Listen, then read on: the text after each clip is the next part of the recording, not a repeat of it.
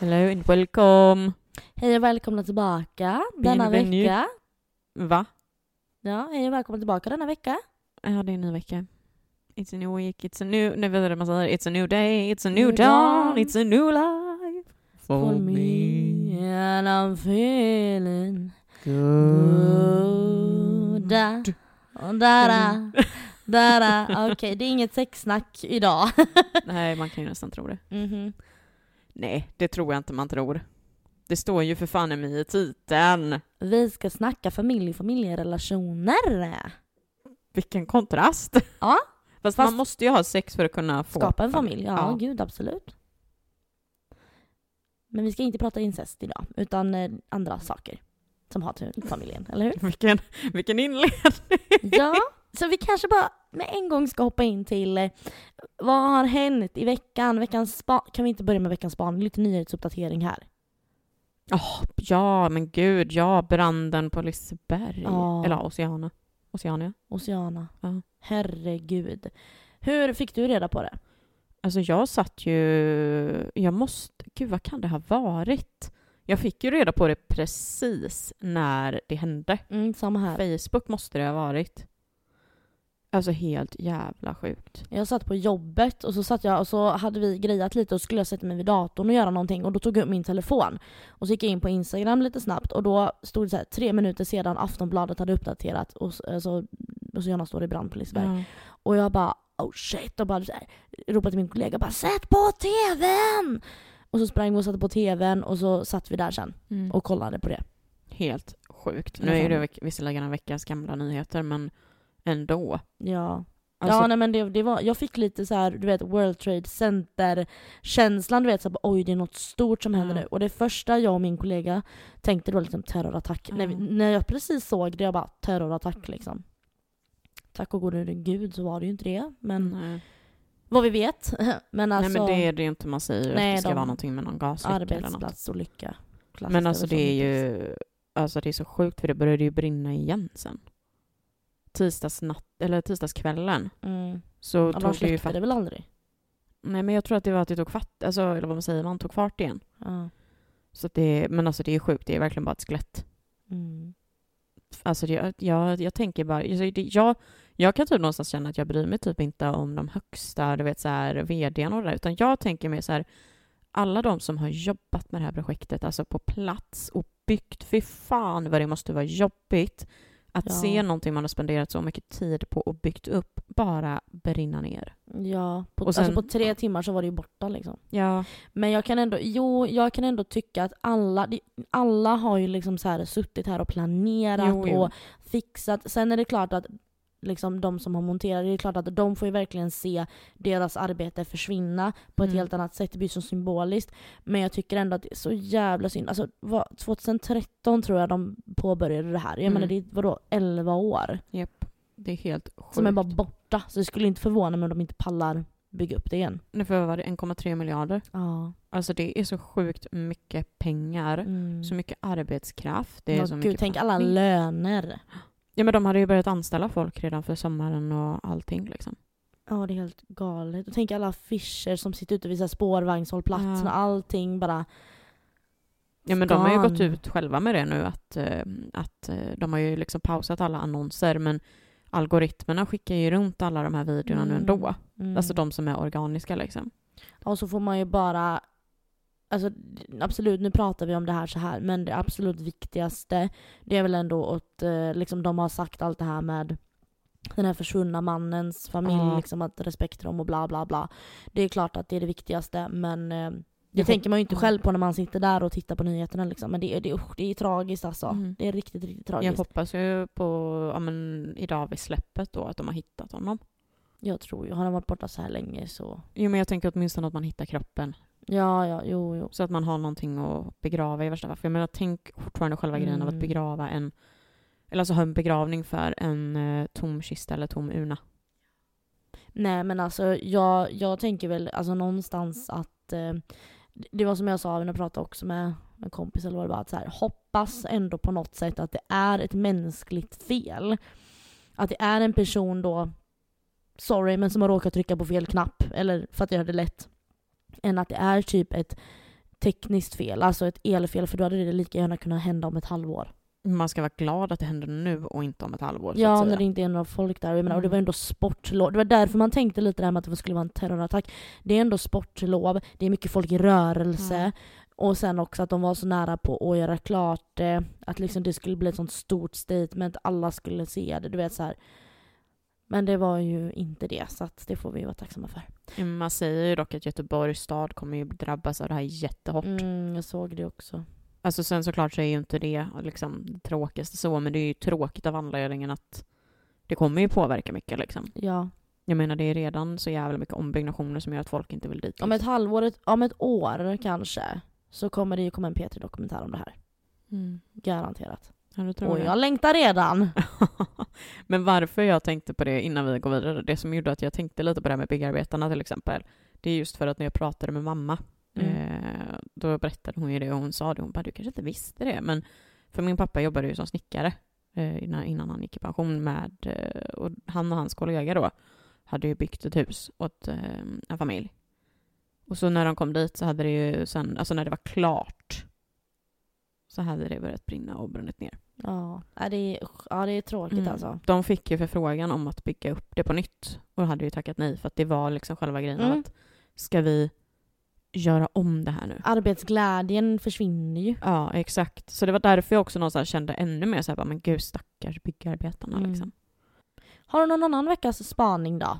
Ja, men det går väl kanske lite över till, ehm, till även bara hur min vecka har varit också. Mm. För att jag, eh, som sagt, det här är ju fortfarande en vecka sedan för er då, men eh, jag bestämde mig faktiskt för att kolla lite på Super Bowl.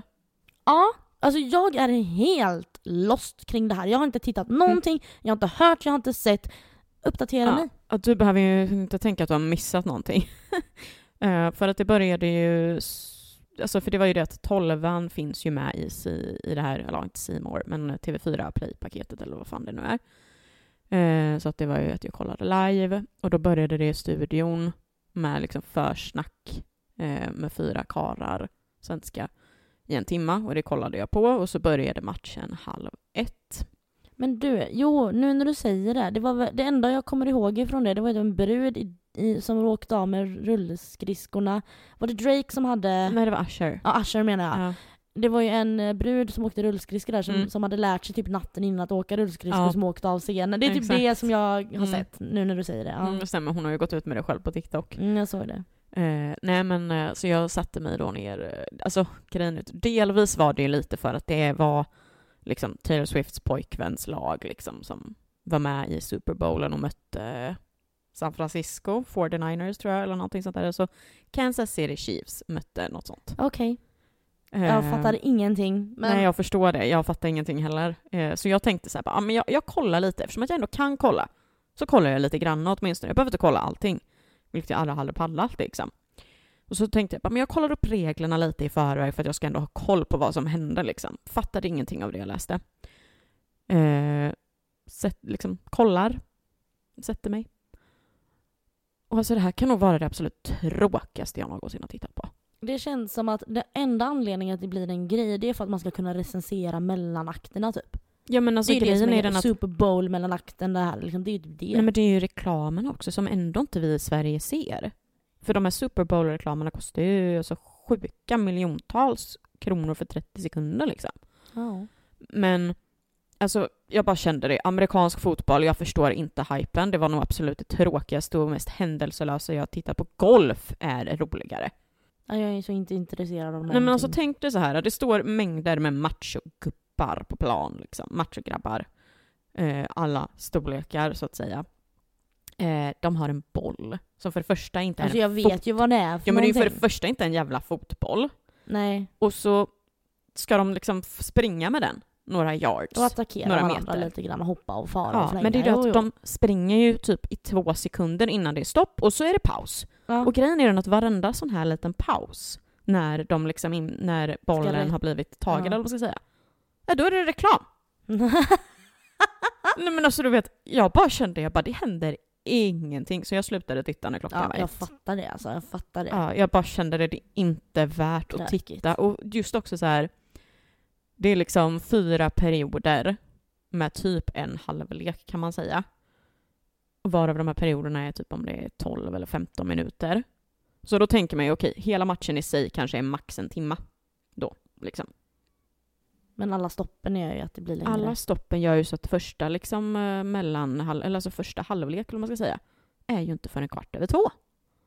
Alltså jag förstår. Usch, nej men jag får, jag får stress när du pratar Ja. om det här för att jag tycker att det är så, du vet jag kan ju inte hålla fokus, jag, mitt tålamod. Mm, nej. Oh. Men oavsett vad i alla fall så vann Kansas, eh, Kansas City Chiefs och det är ju då ja, där Travis Kelce som är Taylor Swifts pojkvän då är med i det laget. Mm. Eh, För alla er Swifties, woohoo! ja, ja, men det var ju lite kul ändå. Så sett. Eh, alla videor man har sett i efterhand är i alla fall kul. Men eh, när vi då ändå är i sportens eh, värld, Sportnytt med Linnea. ja men exakt, så eh, två dagar senare på eh, måndagen, nej på tisdagen blir det ju, så gick jag på Frölunda-match i Göteborg. Um, jag vet inte, de mötte La Timrå eller någonting.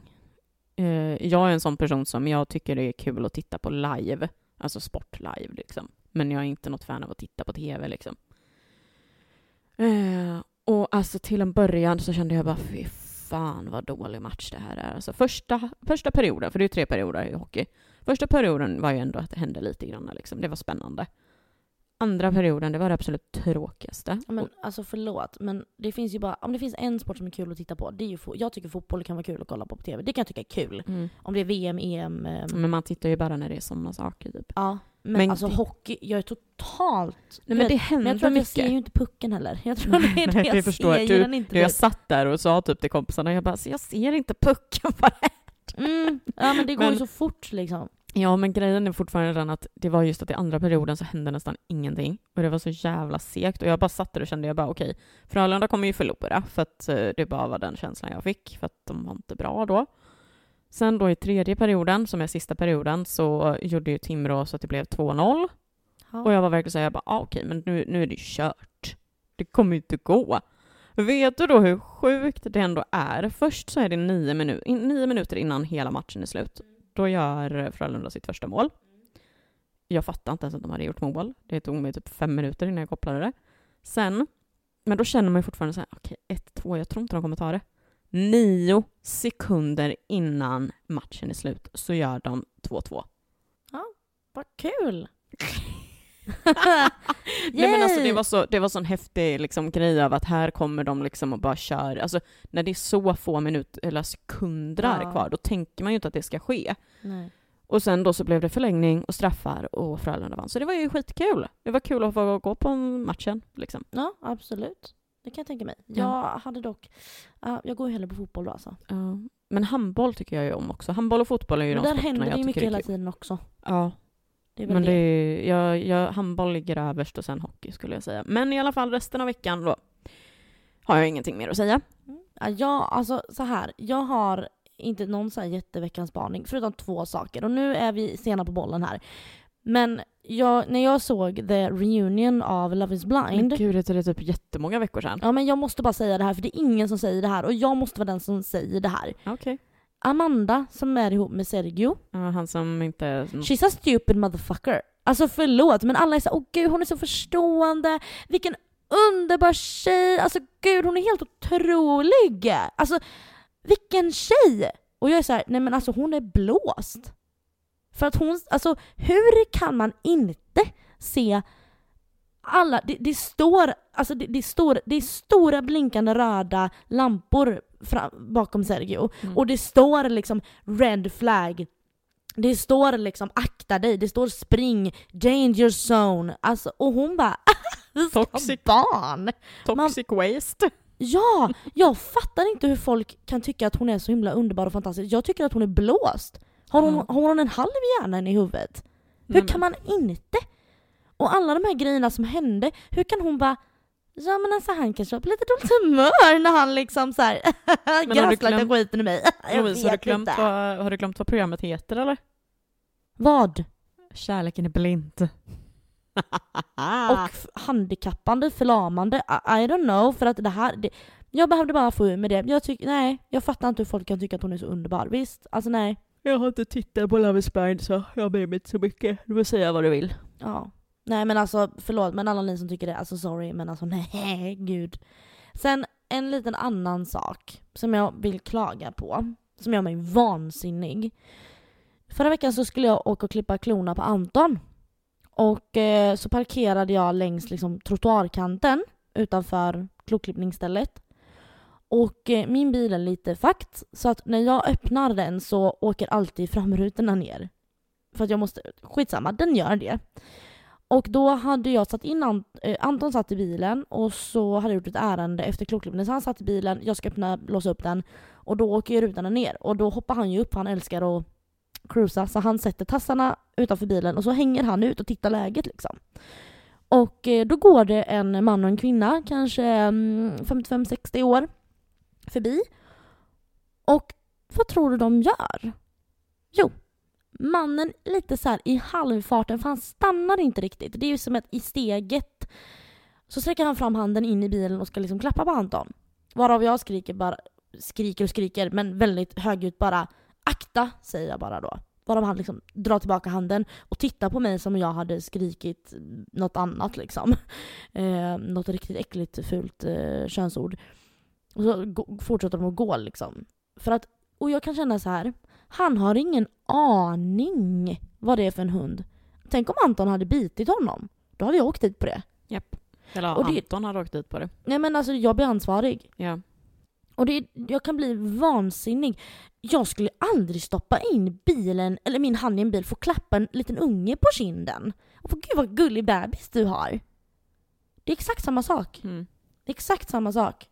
Och jag blir vansinnig. Kan folk, alltså kan folk bara sluta med det här? Nästa gång, alltså jag, ska komma på någon sån här riktigt bra kort line nästa gång. Han har rabies eller någonting. Någonting du vet så här. Jag ska komma på något riktigt, riktigt jävligt alltså. Egentligen så skulle du ju typ bara, man stoppar inte in handen i ofrämlingars bilar. Det går, alltså bara något sånt. Nej men det, det, det måste gå fort. Det var därför ja. jag skrek akta mm. liksom. Mm.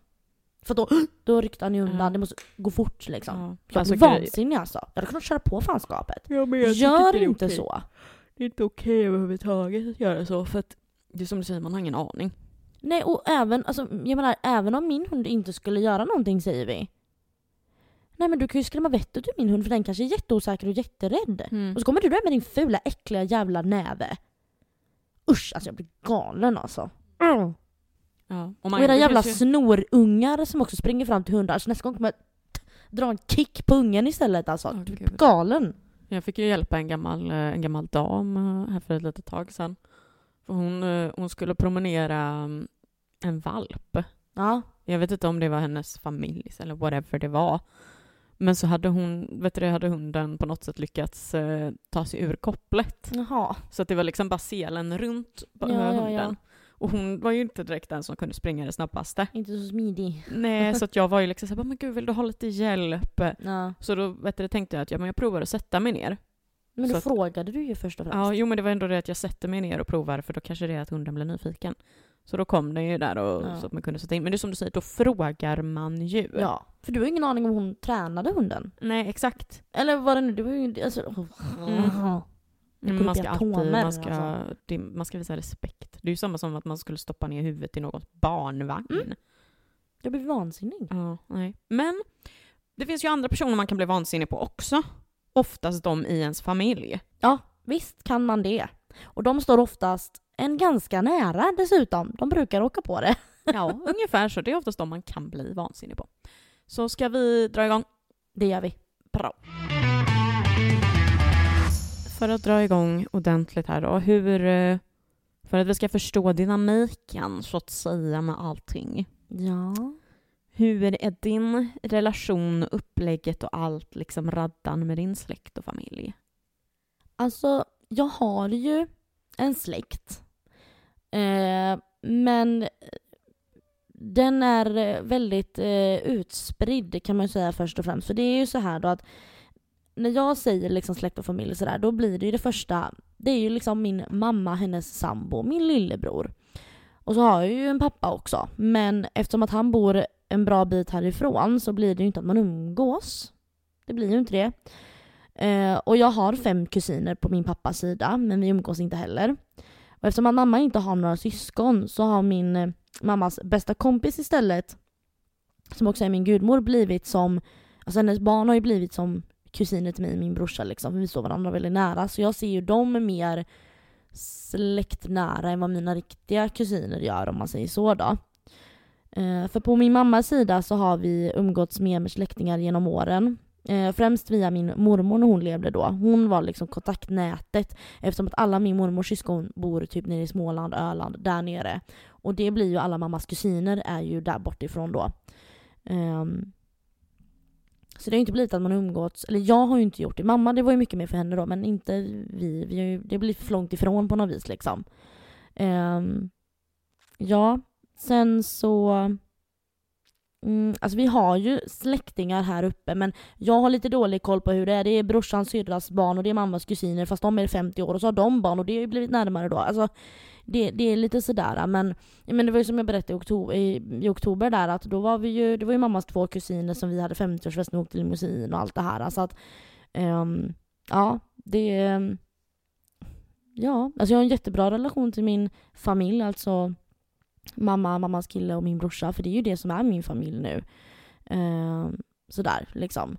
Sen alla de andra, det är liksom personer som man känner eller vet vilka de är typ. Umgås ni mycket och gör saker tillsammans och så här, eh, alltså nu i vuxen ålder liksom? Ja gud ja. Men alltså jag och min mamma vi umgås ju väldigt mycket.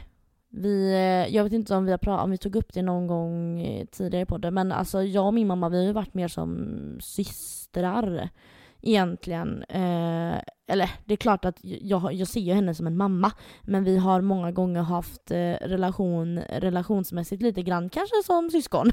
För vi är extremt lika men också på vissa saker står vi jättelångt ifrån varandra och det är där det liksom går i clinch. Och också när min mormor levde så blev det, det, det här var ju en trekant utav liksom jätte, jättenära men de gångerna vi inte såg varandra nära så var vi som katt och hund liksom. Eh, så. Och kunde verkligen såra varandra liksom. Fast i nästa sekund så var det eh, liksom jätte, jätte, jätte, jätte tajt relation liksom. Eh, så. Ehm, men vi mm, stod, stod och står varandra extremt nära liksom, så är det ju. Men hur är det då, jag tänker, ehm, eftersom att du har ju, man kan väl säga att det är bonuspappa då? Ja. Och då tänker jag, liksom, för hur, gamla var, eller hur gammal var du när de träffades? Eh, 14, tror jag. Ja, så då är det... 14, 15, 14, 15. Ja, så halva ditt liv egentligen har ju varit med honom då? Ja, han har väl funnits, eh, han har ju funnits längre i mitt liv nu än utan. Ja, det är fan sant. Ja. Och jag menar herregud, det, det var ju han som övningskörde med mig, såg till att jag liksom fick, eh, eh, klarade matten i skolan och allt det här. Så att jag menar han, eh, är ju en jätte, jättestor trygghet i mig och brorsans liv såklart. Mm. Alltså verkligen. Eh, sen skulle jag ju aldrig säga ah, det här är min bonuspappa eller det här är min plastfarsa eller min extra pappa. Aldrig. Utan det, det är min mammas sambo vid namn. Liksom så här, men det här är liksom eh, så. Det är, det är våran, namn. ja men det, det är våran liksom Erik då. Liksom så här. Det, det är mm. så. Och det räcker för att eh, det är ju också lite så här att eh, när man är så pass stor, eller jag vet inte för min del så, när jag liksom var då 14-15 och så här, sure, men det tåget hade gått liksom. Mm. Jag fattar om man är 5, 6, 7, 8, 9, 10 kanske. Där kanske, ja men bonuspappa så här, men det tåget hade liksom gått. Mm. Men så. det kanske också beror lite på, uh, alltså jag tänker, jag tror att de som verkligen typ alltså kallar sina typ styvpappor och bonuspappor och mm. morsor eller vad fan det kan vara. Jag tror de kallar dem oftast för det när det är att relationen till den, alltså den biologiska katastrof. Ja men alltså, kanske inte ens finns, från, finns överhuvudtaget från början alls. Liksom, Precis. Ja, jag kan tänka mig att det är då man liksom kanske säger pappa på ett annat sätt typ. Ja, jo, men det tror jag, tror jag också. Mm. Så att, eh, nej men alltså. Eh, det är väl typ det. Och sen i och med då att farsan bor så pass långt bort som han gör. Eh, så blir det ju krångligt att ses liksom och eh, ja, det ja, nej men vi, mamma och pappa är ju extremt olika och i och med att jag är väldigt lik mamma så tror jag också många gånger att eh, ja, det finns väl anledningar kanske till att eh, det inte blir att man ses så ofta för att liksom, ja, det, vi är väldigt, väldigt olika liksom. Men jag tror typ spontant att, eller det är bara en tanke jag får. Jag vet ju inte med tanke på att jag aldrig varit med om en sån situation, men jag funderar på om det kanske är vanligt att barnen oftast tyr sig mer till mamman oavsett. Alltså om det inte är någon jätteavgörande sak som gör att man inte gör det. Men jag, alltså jag tror typ det för att det är Alltså generellt sett så har ju mamman varit med mer i ens liv. Ja, det tror jag med. På grund av att det är oftast, i alla fall när vi har växt upp så var det ju större sannolikhet att mammorna var mammalediga medan papporna inte tog ut dagarna liksom. Så att man hade ju en många gånger en större trygghet tror jag till sin mamma än sin pappa oavsett. Ja, det tror jag med. Och också det här att pappor har ingen moderskänsla som man får redan kanske den dagen jag är gravid. Liksom. Exakt. Jag, jag, tro, jag tror ändå att på något sätt att det är så. I och med att majoriteten är ju pappor som är dumma i huvudet liksom och många gånger det är de som sticker. Det är många gånger det är väldigt lätt för dem och så här, utifrån vad man har hört i alla fall kompisar och läst genom åren och hört bla bla bla. Mm. Ehm, så. Men eh, ja, så så är det. Och jag är ju skilsmässobarn då. Mm. Uh, usch, det låter så konstigt. Skilsmässobarn. Jag har aldrig använt det. Jag, morsan och farsan är skilda liksom. Mm. Ja men det är ju om man ska vara liksom antingen eller så är det ju ett Ja, skilsmässobarn. Precis. Jajamän. Så är det. Mm. Tror du att din relation till din mamma blev bättre på grund av det? Mm, det är så svårt att säga.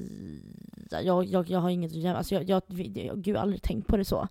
Eh, jag kan ju däremot säga att min och mammas relation blev annorlunda efter att mormor gick bort. Mm. Eh, förlåt mormor att jag säger det här. Men vi, vi, när vi var tre så var vi, så var vi sällan eh, eh, överens om saker och ting. För att det, det var mycket så här, hon var en väldigt stor personlighet, min mormor har väldigt starka åsikter. Och då blev det lite så att om jag och mormor tyckte likadant så kunde vi liksom gagga ihop oss lite grann mot morsan.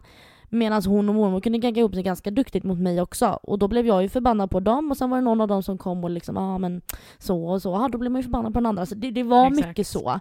Samtidigt som eh, vi funkade väldigt bra enskilt och även ihop också. Men många gånger så kunde vi komma i clinch liksom. Eh, men alltid, det fanns ju alltid kärlek. Men, det, men vi var väldigt, eh, ja, lika. Och lika barn leka bäst, ja sure. Men eh, man, också, man vet ju precis vilka knappar man ska trycka på Ja, de 100%. gångerna. Och tre är oftast en... eh, Vad är det man säger? Tre är oftast en för mycket. Ja, alltså det, det går Free inte att hålla en jämn dynamik. Mm. Så att, eh, ja, så jag skulle väl ändå säga att min och morsans relation ändrades ju till det bättre då efter att mormor gick bort. För att, eller då var det ju bara vi som behövde komma överens om, oss- om saker och det, det fanns inte någon annans åsikt eller någon annan som kom och liksom störde. Um, med all kärlek mormor. Eh, alltså sådär, det, så var det ju liksom. Men det är ju inte konstigt. Nej, jag tror inte heller det. Liksom. Det, det tror jag inte heller. Jag tror det blir ganska naturligt. Liksom. Så ja, kort och gott. Hur är det för din del och din familjesituation och relationer Mm. till dina familjemedlemmar och släktingar? Jag ska försöka att dra det... Jag har försökt dra det hyfsat kortfattat här nu. Så ni får bear with me. Nej men jag skulle väl ändå säga att jag har en väldigt standard relation till mina föräldrar. Ehm, vi trivs liksom i varandras sällskap och vi försöker väl typ träffas minst en gång i veckan. Men sen så pratar jag ju inte om allt med dem, skulle jag väl inte säga. Ehm, och sen då för att påminna er som lyssnar så är ju jag ett ensambarn. Ehm, Går man mer över till själva släkten då i det fallet, för det har ju ändå bara alltid jag varit jag, mamma och pappa liksom, så att då är det vi de bor ihop och är ihop liksom. Ja, de bor ihop ja.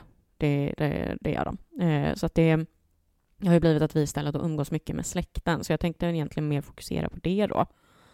Eh, för att den är ju istället då utspridd från typ, ja vad ska man säga, norr till syd eller vad man säger.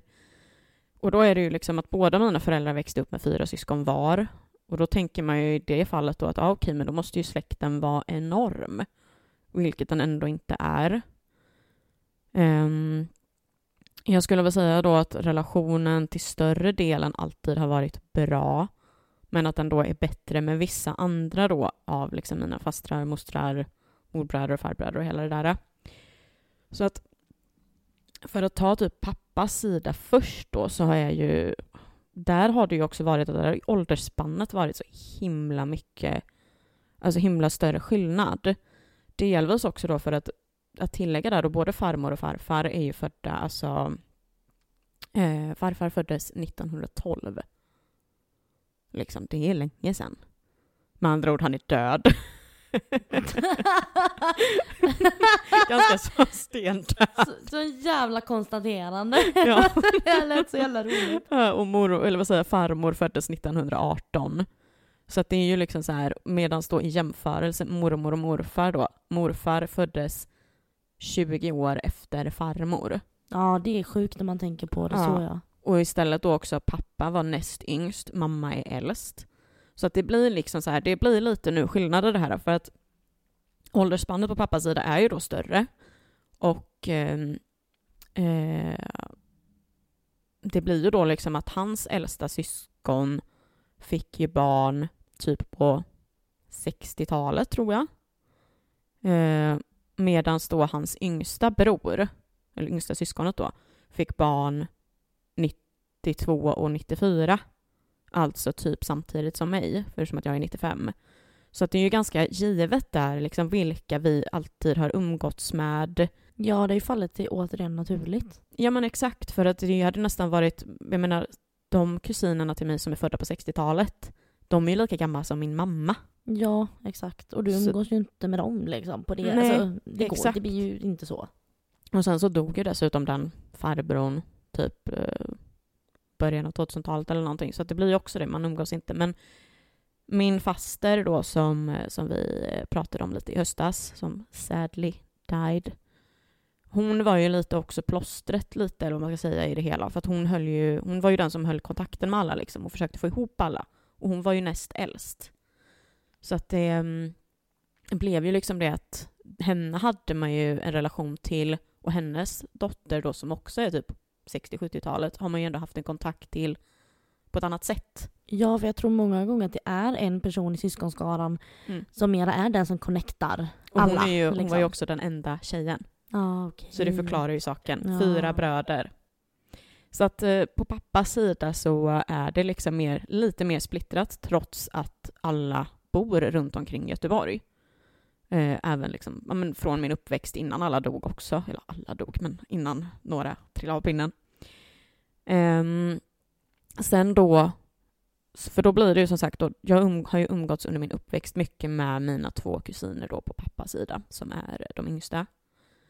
Eh, så att det har ju liksom varit en ganska stark relation tillsammans med dem med semestrar och liksom allt på det sättet. Sen på mammas sida har det ju istället då varit annorlunda för där har ju de varit utspridda på tio år. Så då är det ju liksom, eller yngsta syskonet är född på 70-talet. Eller ja, 1970.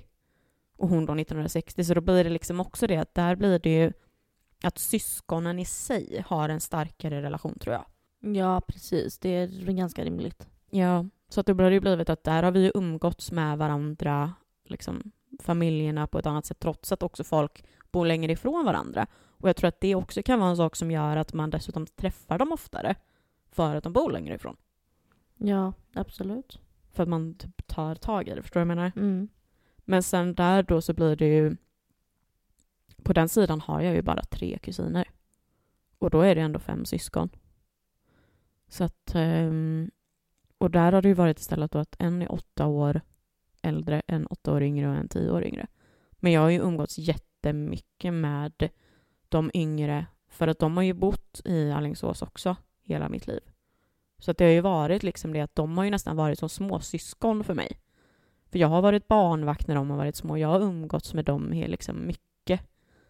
Så att det är väl där det också någonstans landar i att i och med då att de liksom har blivit som syskon så har jag ändå fått, alltså de två på pappas sida och så nu de två på mammas sida. Det är liksom mer, jag har aldrig varit 100% själv. Och jag tror att det är lite det att mina föräldrar har varit väldigt noggranna med att vi träffar Och andra. ha en bra relation liksom. Ja, exakt. Eh, men sen då i och med som sagt att farmor och farfar också då dog på 90-talet så blir det ju att eh, mormor och morfar då som var kvar då blir det att då umgås man ju mer med mammas familj, Ja. mammas sida överlag. Så jag vet inte, men eh, jag tycker överlag, summan av kardemumman så att säga, så tycker jag ändå att vi har en väldigt bra relation i hela släkten. Mm. Det är liksom inga, inga... stora familjefejder. Nej, men alltså Så det nej. finns så många viljor och så många familjer liksom. Så. Ja, nej men jag tycker nog att det känns faktiskt som att de flesta är Alltså att det finns typ ingenting att bråka om. Alltså alla Nej. är liksom fine med whatever typ. Mm, Alltså, sen härligt. såklart jul. Åh, julen nu som var, då var jag ju socialt dränerad efteråt. För man, eh, men jag, jag är ju inte som du när du träffar din familj. Jag lägger ju på ett filter. Mm. Ett ganska tjockt filter Mm. som gör, för att jag vet att skulle jag vara 100% mig själv, då hade folk blivit chockade. Men det här tycker jag är lite intressant. Kan vi inte bara typ ta en liten jingel och bara diskutera det lite snabbt? Ja, absolut. Jo, jag tycker det här är lite intressant. Varför, vad menar du med filter? Menar du att du inte kan vara dig själv med dem? För att de skulle bli chockade? Eller visa hela dig själv då, om vi mer ska uttrycka oss så då. Ja men precis, för jag är ju fortfarande mig själv, bara inte 100% liksom. Varför? Alltså det är väl lite av anledningen att det är ganska stor skillnad på Linnea 12 år och Linnea alltså 23 år då blir det väl om man jämför det så då. Ehm, jag är ju ganska, har ju blivit ganska grov i munnen. Jag har en tendens till att vara väldigt ärlig och nästan lite för ärlig i vissa fall. Mm. Um, alltså jag tror att jag har, det är ofta större sannolikhet att jag kan vara mer mig själv med, eh, med pappas lillebrors eh, familj. Mm. För att på den sidan är de lite grövre i munnen överlag. De svär lite grann och lite sådär, eh, säger lite hipp som happ saker liksom. Mm. Medan mammas sida, jag vet inte om det har att göra med att den, alltså, de, den familjen har växt upp i Dalarna Mhm. och att, mamma, eller att pappas familj växte upp i Göteborg. Mhm. Ja, du tänker, aha. För att ibland så kan jag känna att om jag... eh, Det var typ som, eh, jag har ett ganska praktexempel på det här. Har du spelat spelet eh, Rackare? Nej, Det är ju lite som eh, Cards Inte. Against Humanity. vad är det då? Okej, men det är ju typ så här, låt säga då att det står eh, eh, Usama bin Laden älskar Jaha, jo men då vet och så jag. ska Ja, man ja, ja, lägga ja. till ett ord. Ja. Eh, och jag hade köpt det en jul och så skulle vi spela det med mammas sida av släkten. Mm. Jag förstår vart du vill komma. Ja, jag märkte ju här att vissa skavde det lite i när jag la ett kort, typ pojkfittor. Ja, exakt. Det skavde ganska mycket. Ehm, jag märkte att mormor var liksom så här, vad i hela helvete är det här liksom? Sen, men sen så märkte man att hon liksom istället blev den här, bara det här är sån jävla skit så jag får väl bara hänga på. Mm. Men man märkte att hon inte tyckte det var liksom trevligt. Men det, men det där är ett exempel som jag tänker för att det där, det, jag skulle inte heller välja det kortet eh, kanske framför mormor för jag vet att, eller så här, jag hade kunnat göra det men jag vet, och jag vet hon skulle det. Men Louise för helvete, det där var inte ens kul. Du vet så här, men hon känner Ja. ju mig, jag kan, jag, jag kan göra det men jag gör Exakt. det inte för att jag vet att hon kommer ändå inte tycka att det är kul. Förstår du vad jag menar? Mm. Medan du gör det av anledningen att du kanske inte vill att de ska tycka att du, men Linnea, Ja, men har det du det. det. i dig? Men Linnea. För att Mer det blir, så. ju, det blir ju där någonstans att jag har fått liksom, och där var ett praktexempel på att okej, jag kan nog inte vara liksom, Mm. Hur känns det då? det blir ju socialt dränerande. Ja, för man Eh. måste anstränga sig och tänka sig Ja. lite för. Ja, Eller alltså liksom det så, funkar- skärpa sig lite. Ja men lite så, det funkar liksom något dygn men jag hade nog inte pallat det i en veckas tid. Nej. Och så hade jag ju det med min eh, pappas sida då. Att, men då var jag så liten när vi väl umgicks, eller om man nu kan kalla det umgicks. Men det var ju liksom kalas och sånt. Ehm, och då till exempel min farmor då, liksom, ja, hon kan säga men hej dockan och en kram. Och liksom, man fick ju liksom skärpa till sig. Mamma hade sagt liksom att nu tar du på dig den här jeanskjolen och de här vita strumpbyxorna. Så, och jag bara du vet, bara kröp hela kroppen på mig liksom. Ehm, för att man visste att nu, det, nu får man skärpa till sig lite. Nu, Ja. nu ska vi sitta och vi ska äta ordentligt och vi ska liksom som att, som att det var främlingar eller gäster. Om du förstår vad jag menar? Ja. Och det kanske blir inte att, men det blir samma känsla low key här kanske lite för dig också. Att man, så här, det blir det att jag får skärpa mig lite grann. Så, nu, nu, Mm. så. Liksom. Ja men exakt, det blir ju även, för att även ifall jag är, känner att jag är väldigt nära dem allihopa och jag kan ju såklart vara mig själv. Men jag slänger inte upp fötterna på soffbordet och pillar mig i näsan liksom. Nej, Gud, det hade väl varit eh, minsta problemet skulle jag säga dock. Ja, okej. Men, eh, men faktiskt, alltså man får, jag tror att det har lite att göra med hur man... Eh, jag vet inte, men jag tror också att det är lite... mm, jag har fått uppfattningen av att mormor är väldigt, eh, eller inte väldigt, men att hon tror på Gud. Mhm. För hon har nämnt det någon gång, alltså i något visst sätt att hon ber typ. Jag tycker inte det är något konstigt att man gör det, det är inte det. Det liksom, Men det stämmer ju inte riktigt överens med din personlighetsaura nej, så, kanske. nej men exakt, så jag funderar på om det kanske också är det att då lite av de andra också är, alltså jag vet inte, men vissa. Alltså mammas yngsta bror, det är ju han som har eh, mina små kusiner då. Mm. Där, den familjen kan jag ju vara 100% mig själv med, där är det inga problem. Eh, men det är ju också liksom, det är, jag tror att där handlar det ju om att deras mamma också är väldigt alltså frispråkig, väldigt Mm. liksom skön i stämningen. Så det, jag tror att det helt och, handlat, eh, alltså helt och hållet handlar om vad man har fått för gensvar själv. Ja, gud ja. Och sen så tycker jag också någonstans att det handlar ju om att man måste kunna anpassa sig också.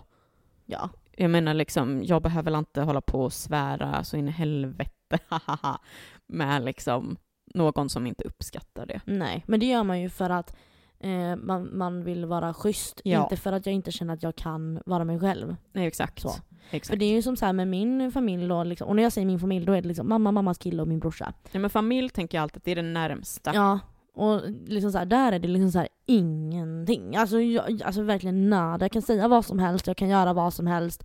Eh, liksom så här, det, det är liksom ingenting. Och även liksom så här de närmsta mm, släktmässigt då på, alltså så här som man ändå liksom har kontakt med så på morsans sida. Liksom så här, men herregud, jag skulle kunna hem till, åka hem till mammas kusin eh, liksom, och sätta mig där och ta en kaffe och där skulle jag kunna säga både det ena och det andra för att vi Kanske egentligen inte för att vi står varandra så jävla nära så sätt och känner varandra egentligen så jävla bra.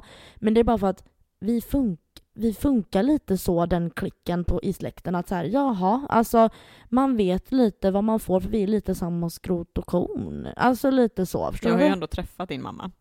Ja, du gånger. har ju det. Ja, så jag vet ju, jag förstår ju vad du menar, att det Ja. kanske inte är liksom filter rakt av på någon egentligen då. Nej men inte, inte så, så att man känner att man behöver skärpa sig. Exakt. Liksom.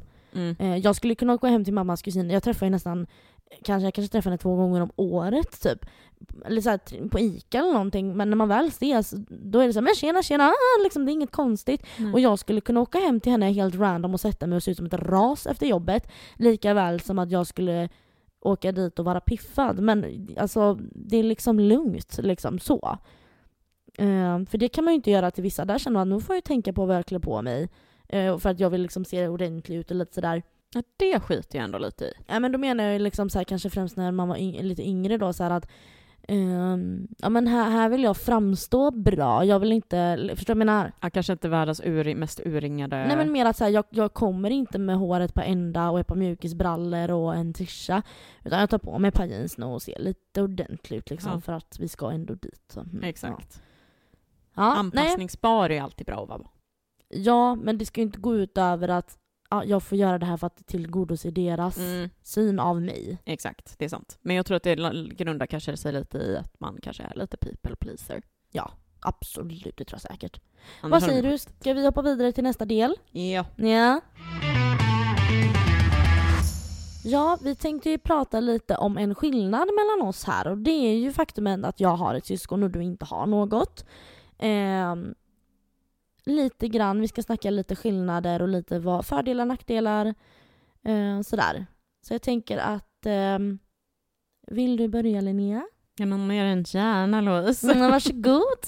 Thank you, thank you. Eh, jag kommer egentligen göra så att jag bakar ihop eh, fördelarna och nackdelarna.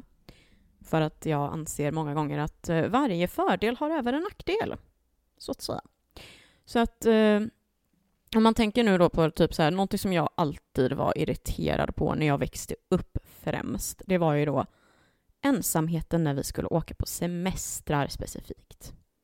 För att det var verkligen någonting som jag liksom, mamma och pappa lekte ju inte med mig på samma sätt som liksom jag menar, man vet ju själv när man har försökt leka med ett barn nu i vuxen ålder, det är jättesvårt. Man har inte den liksom kreativiteten, eller vad man ska säga, fantasin. Um, då blir det lite så här, det blir väldigt ensamt när man åker på semester, för det kanske blir då att men jag hade velat leka i poolen, typ.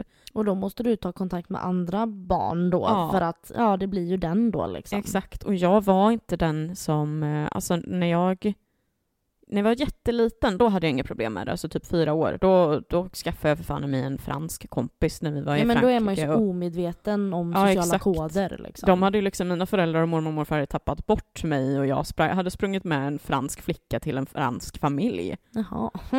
så de liksom, så det är ju, medan då kanske när man är åtta år, då gör Mm. man inte det. Nej. Ehm, så att det tyckte jag var någonting som kunde vara väldigt, väldigt irriterande faktiskt. Ehm, Så där har vi en nackdel. där har vi nackdelen, men sen kan vi vända på det lite som blir lite som en fördel i det istället. För det här gjorde ju så att, eller jag hade i alla fall turen att mamma och pappa förmodligen, jag vet inte om de tänkte på det eller om det var undermedvetet, men det gjorde ju så att vi många gånger åkte med andra. Mm. Så att ibland såklart kunde det ju vara med mormor och morfar, men morfar var väldigt rolig av sig så han kunde ändå Engagera sig i dig. ja. Och då var det spel åtminstone för att man var så pass många. Liksom. Ehm, men det kunde ju vara då att vi åkte med kusinerna som jag nämnde innan nu då. Det var lite därför jag tyckte det var viktigt att nämna dem, just för att då blir det ju när jag var...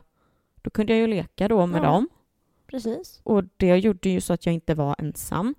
Och det var också det att vi åkte mycket med eh, Eh, ett, eh, det var pappas eh, bästa kompis och hans, eh, den vet du, mannens fru då. De hade ju två barn som var i min ålder också. Så vi åkte på semester med dem jättemånga gånger, vilket gjorde att då lekte jag med dem. Så att jag tror att en fördel i det är att vi då har åkt mycket med familjevänner och släkt och sånt. För att det är ju inte säkert att vi hade gjort det om jag hade haft syskon. Jag tänker också så här typ att eh, om det är en fördel, alltså bara för att liksom tänk, väcka en tanke här nu, för det är ju olika för alla, men jag tänker, var det en fördel just där och då? Ja. Kan det vara en fördel om 25, 30, 40 år fram i livet när kanske ens föräldrar går bort att ja, nu har jag mina kusiner som stöttar mig i det här för att jag är ensam eller vad det nu kan vara. Mm. Om man bygger en bra relation tight redan från när man är så liten. Ja men exakt, det kan det ju vara. Alltså absolut, det, det är inte omöjligt. Eh, men jag tror ändå också att det, det som också är en fördel är att man skapar en slags, ja, man, man klarar sig liksom. Sen då så går vi över på punkten du började komma in på.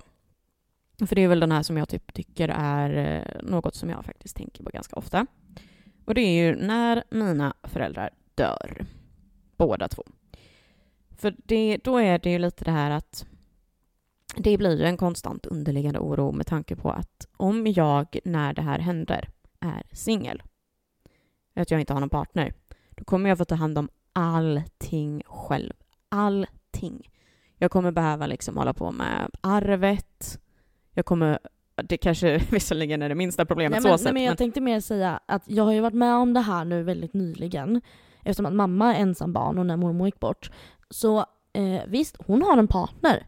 Men hon måste ju ändå göra, alltså det är ändå hon som måste göra allting och sånt där. ja, Så att, och, alltså just, alltså just de här, alltså, vad ska man säga, som du sa nu, arvgrejer och banken och allt sånt där, dödsbo hit och dit och det är slut, blablabla. Alltså det, det blir ju ganska mycket. Det blir Ja. ganska påtagligt då att man är, alltså det är ett stort, det blir mycket ansvar liksom. ja, ja, det blir ju det och jag tänker just också det att är det det att man inte har några barn, inte någon partner eller någonting, då har man ingenting man kan luta sig som ett stöd Nej, heller till precis. 100 procent. Du sitter där på begravningen själv. Alltså det är jättemörkt, men alltså det är ju... Och där blir det liksom, jag kommer behöva ta hand om allt det själv. Tänker du så nu? För du har inte en så pass bra relation då till de här typ familjevännernas Men inte så pass så att jag tror att det skulle Nej, vara... okej, ja. Alltså det, det tror jag inte. Nej, alltså skulle nej. jag be om hjälp, självklart, men jag tror inte man gör det i det läget. Och Nej, även ifall man har bästa vänner och så, man vill ändå inte dra in dem i det på det sättet. Jag tänkte liksom. det. Nej men jag tror inte jag hade Nej men, det, gjort nej men det beror på hur man är som person. Ja. För jag menar morsan fick ju ganska mycket hjälp av min gudmor och hennes Ja. bästa kompis då. För hon hade ju exakt. varit med om det också ett år innan. Var ett stort stöd också Mm. liksom så. Men jag Så tror att att det är svårt. Det är en svår situation och där finns det ju tyvärr inga fördelar överhuvudtaget för att jag skiter Nej. i arvet. Ja, Alltså arvet är skitsamma liksom. Det är inte, det är inte tillräckligt så att säga stor fördel för att det ska vara bra liksom. nej men sen även om det hade varit en fördel att man har syskon som kan hjälpas åt och så, här, så kan det också vara en nackdel. Hej och hå, konflikter. Oh ja, gud ja. Sen har jag två punkter till. Och det är ju då, nu kommer vi till en sak som egentligen till en början är eh, en positiv, en fördel. Eh, som jag självklart kommer kunna vända till något dåligt också då. Och det är ju självständighet, faktiskt. För att alltså givetvis som barn när du har syskon kan du också bli självständig. Det, det förstår jag, jag är inte dum.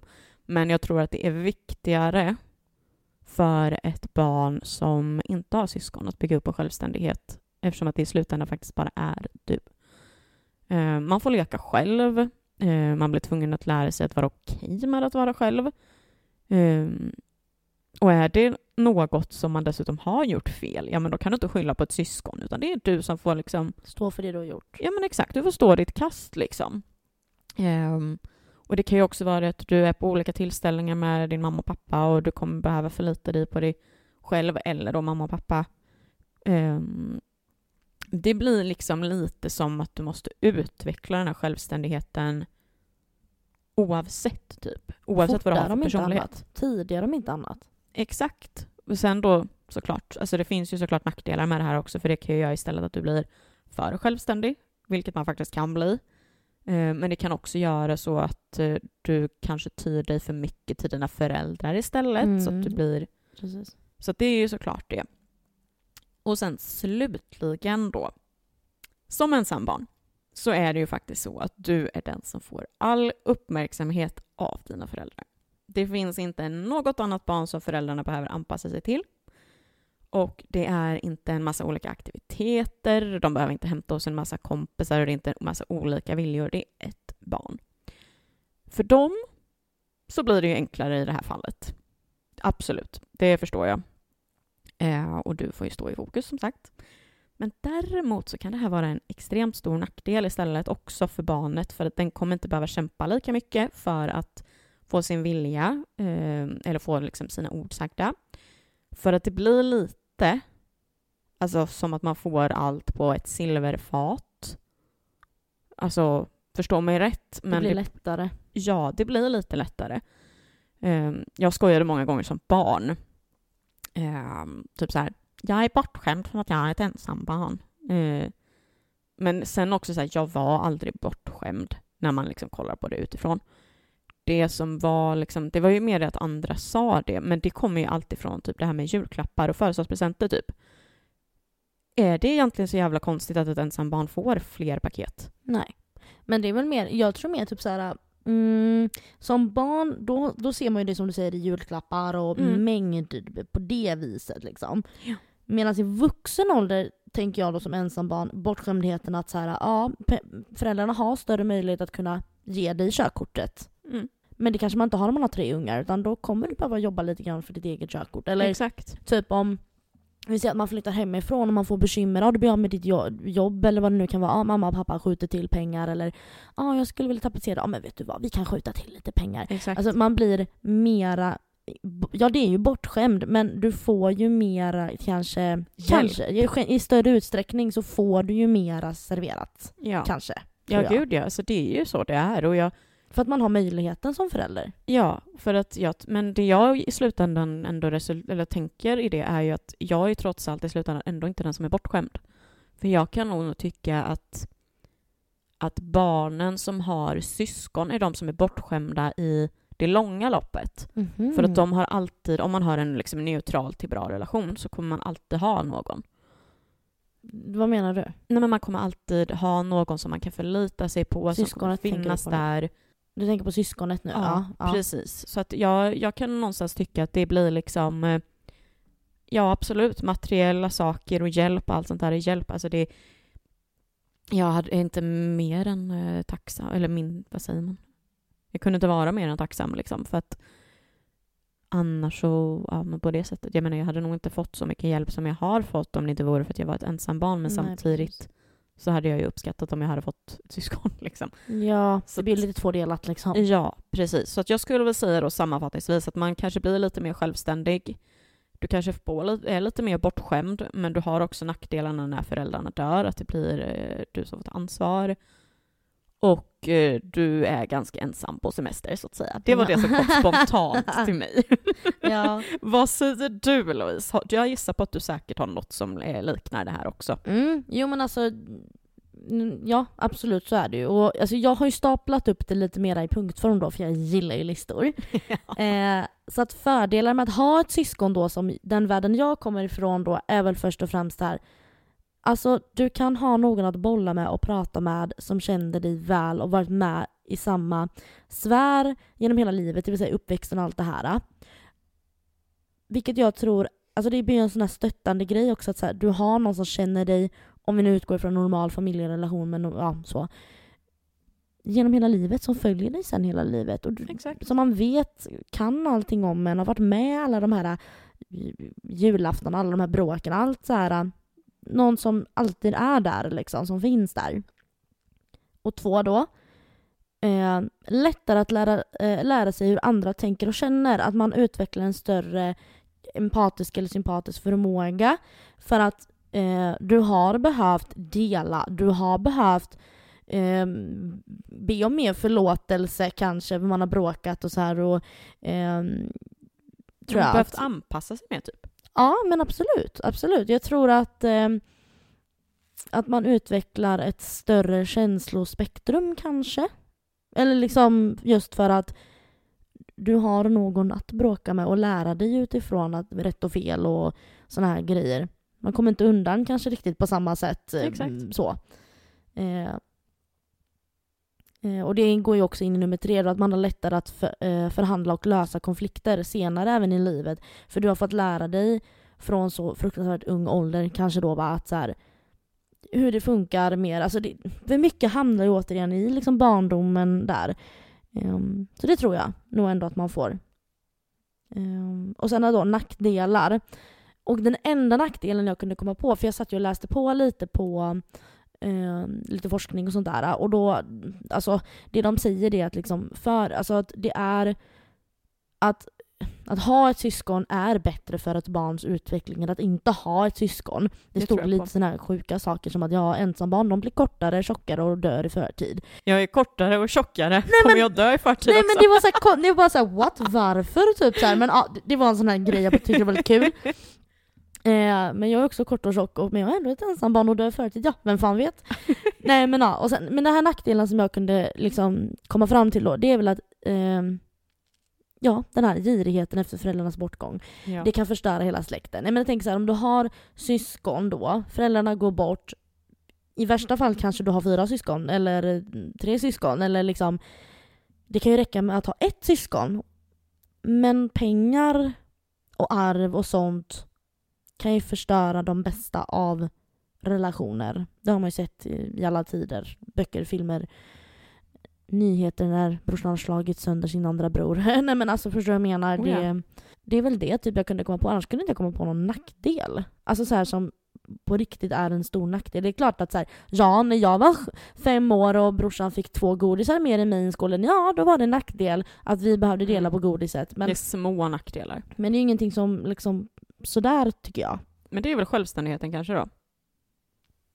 Eh, Beroende på personligheterna såklart. Ja, men då tycker jag nog mer att, eh, då tycker jag nog mer att eh, att fördelen då att ha ett syskon Alltså så här, den fördelen, självständigheten, är en större nackdel än vad det blir en fördel när du har ett syskon.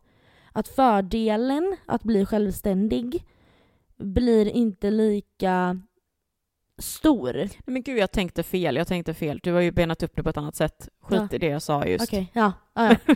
Då går vi över till fördelar att vara ett ensambarn. Ja. Ja, du slipper tjafs och bråk med någon annan. Du, du slipper tjafs och bråk. Där har jag ett tillägg Ja. direkt. Jag tror att risken finns att det är någon av föräldrarna som får skiten istället. Ja, och den frågan kommer vi till lite senare faktiskt här. Ja, absolut. Kom ihåg den Linnea. För du slipper att bråka med någon och tjafsa med någon. Mm. Nummer två. Man kanske blir mer kreativ för att man måste komma på saker att göra själv. Större fantasi. Det var en bra tanke. Mm. Och eh, tre, eh, jag kan tänka mig att man antingen blir mer självständig då som, som, som sagt var och har lättare att trivas i sitt eget sällskap. Mm. Och det tänker jag väl att det är klart att det är jätteviktigt att kunna trivas i sitt eget sällskap men jag har nog en känsla att det lätt kan slå över att man blir då bortskämd och kanske lite egotrippad. Alltså så här, jag kan tänka mig att eh, men nu har jag tänkt mig det här, får inte jag på mitt sätt som jag alltid har fått för att jag inte haft någon annan att bråka eller tjafsa med då kan man nog kanske bli en person som är ganska egotrippad och, har, och, har, och kanske blir lite butthurt, lätt för att bli kränkt. Absolut. Min, men min åsikt var väl bra nog, eller varför ska jag, varför då? Varför, alltså, typ sådär. Mm. Jag kan tänka mig det, eller att det skulle kunna vara en nackdel. Eh, eller ja, precis. Ja. Men sen också, man får all uppmärksamhet av sina föräldrar. Vilket jag antar, antar ger mer självsäkerhet och skör, större självkänsla, kanske. När du Mm. får all uppmärksamhet, du blir hela tiden bekräftad. Jag kan tänka mig att det ger en större självkänsla, i alla fall som barn. Sen kan det ju skita sig när man blir äldre, när man inte får den typen av exakt lika mycket lovord och allting i uppvuxen ålder som man är van vid när man får barn. Men jag kan tänka mig som ett litet barn så tror jag att det är en fördel. För du får väldigt mycket sånt. Det tror jag kan vara en fördel. Och eh, ja, nackdelarna då. Vi var ju lite inne på de där egotripp och det här. Men ja, man har ett eget ansvar som vi sa, när föräldrarna inte längre finns. Att man ska ta hand om det som behöver tas om hand. Och eh, det beror ju på vad du är för typ av person. Du kanske är en jättehändig och manhaftig liksom sådär. Men har du jättedålig koll på läget och så här, jag kan tänka mig att det måste vara en sån jävla stress. Eh, så. Mm, och även eh, ensamheten i sorgen. Där mm, man har ingen att luta sig mot. Du har ingen att dela sorgen med. Dela minnena med försvinner ju också. Ehm, på ett sätt. Du Ja har men ingen att ja, prata har minnena med liksom. innan. Vad sa du? Det har vi nog sagt någon gång innan tror jag. Mm, Jag tror jag sa och- det med att när faster dog så var det många minnen som försvann för att hon kom ihåg dem liksom. Ja, och det är bara en sån sak som jag kan tänka på just den här Kina-resan jag var på. Eh, den tjejen jag åkte dit med, och hela den, alltså jag har ju inte kontakt med dem. Jag menar jag har ju ingen så här kunna, åh titta på de här, det är ju ingen som bryr sig. Jaha okej du var där, men alla de här grejerna man var med om, jag har inte någon att dela det med, prata med och uppleva igen. Och jag kan tänka mig att det blir samma sak i sorgen här, att liksom man har ingen att dela det med. Um, och att ha ett syskon är ju då som att ha en vän för livet, någon som backar upp det allt det här då. Uh, och jag kan tänka mig då att man går miste som ensambarn om saker som syskon gör. Man lånar varandras kläder, man hjälper varandra att smyga in eller ut ur huset och eh, liksom, man kanske har ett större syskon som kan fixa alkohol. Du vet, alla de här sakerna tänker jag att man eh, går, kanske går miste om på, i större utsträckning på ett annat sätt än om man inte är ensambarn. Eh, så. Och som jag sa lite innan där också, så här, det med att man kanske har större problem att lösa konflikter och kompromissa och sådana här saker. Ja men absolut, jag tycker det låter rimligt. Vad känner du igen dig när jag skojar? Ska vi gå över till nästa del? För vi kom in lite på det här om man kan ha lite för nära relation till familjemedlemmar som ensam barn. Du kan bli väldigt nära dina föräldrar och det är de man tjafsar med. Mm, ja jo precis, det Mm. stämmer ju bra. Mm, Ska vi kolla lite på det? det låter bra. Ja, kan man stå familjemedlemmar eller sådär för nära? Ja, det kan man på gott och ont, säger jag. Det är fullt möjligt. Eh, som jag lite berättade innan här, jag menar jag, min mamma och min mormor, vi stod varandra jätte, jättenära, ibland lite för nära så att det istället slog över och blev konflikter. För man ville varandra så jävla väl. Och man kanske var lite för rak och lite för tydlig och lite för ärlig. Jag menar mormor hon kunde ju säga till mig, det värsta hon skulle kunna tänka sig att jag gjorde det var att färga håret till brunett. Det var det, du vet hon, hon var nojig inför varenda jävla frisörbesök. Ja men nu, du, du ska väl fortsätta vara ljus, du ska ju vara ljus Louise. Och så vet jag att jag någon gång då mörkade ner det lite och då fick man ju höra det. Oj vad man fick höra det. Oj oj oj. Måste du förstöra ditt utseende vet jag hon sa någon gång du vet och det är ju jättehårt. Ja, för någon som inte liksom så här, då är det jättehårt och för mig rinner det bara av för att vi var så pass raka och tydliga. Jag vet att hon inte ville såra mig när hon sa så men hon kunde uttrycka sig hur som helst. För att vi gjorde det mot varandra liksom. Mm. Så att absolut kan man stå varandra för nära. Absolut. Mm, ja, jag håller med dig för att i ärlighetens namn så är det verkligen att man kan ha en för nära relation till en släktmedlem tycker jag. I alla fall under sin uppväxt. Mm. Är det något du tänker på specifikt? Eller sådär? Ja men grejen är, för jag vill ändå tillägga först och främst att jag tycker att det är en helt annan femma i vuxen ålder. Ja. Då tycker jag bara det är mysigt när typ döttrar och mödrar faktiskt har en, en väldigt, väldigt nära relation till varandra. Men det är också för att jag tycker att då är det en annan sak. Då är man i samma ålder. Det handlar inte om uppväxten längre. Det är ingen som ska bossa över den andra på samma sätt längre. Exakt, för när man är 0 till 18 år, som jag kommer utgå från, så anser jag lite så här att en förälder ska inte vara ens bästa vän, det ska vara ens förälder.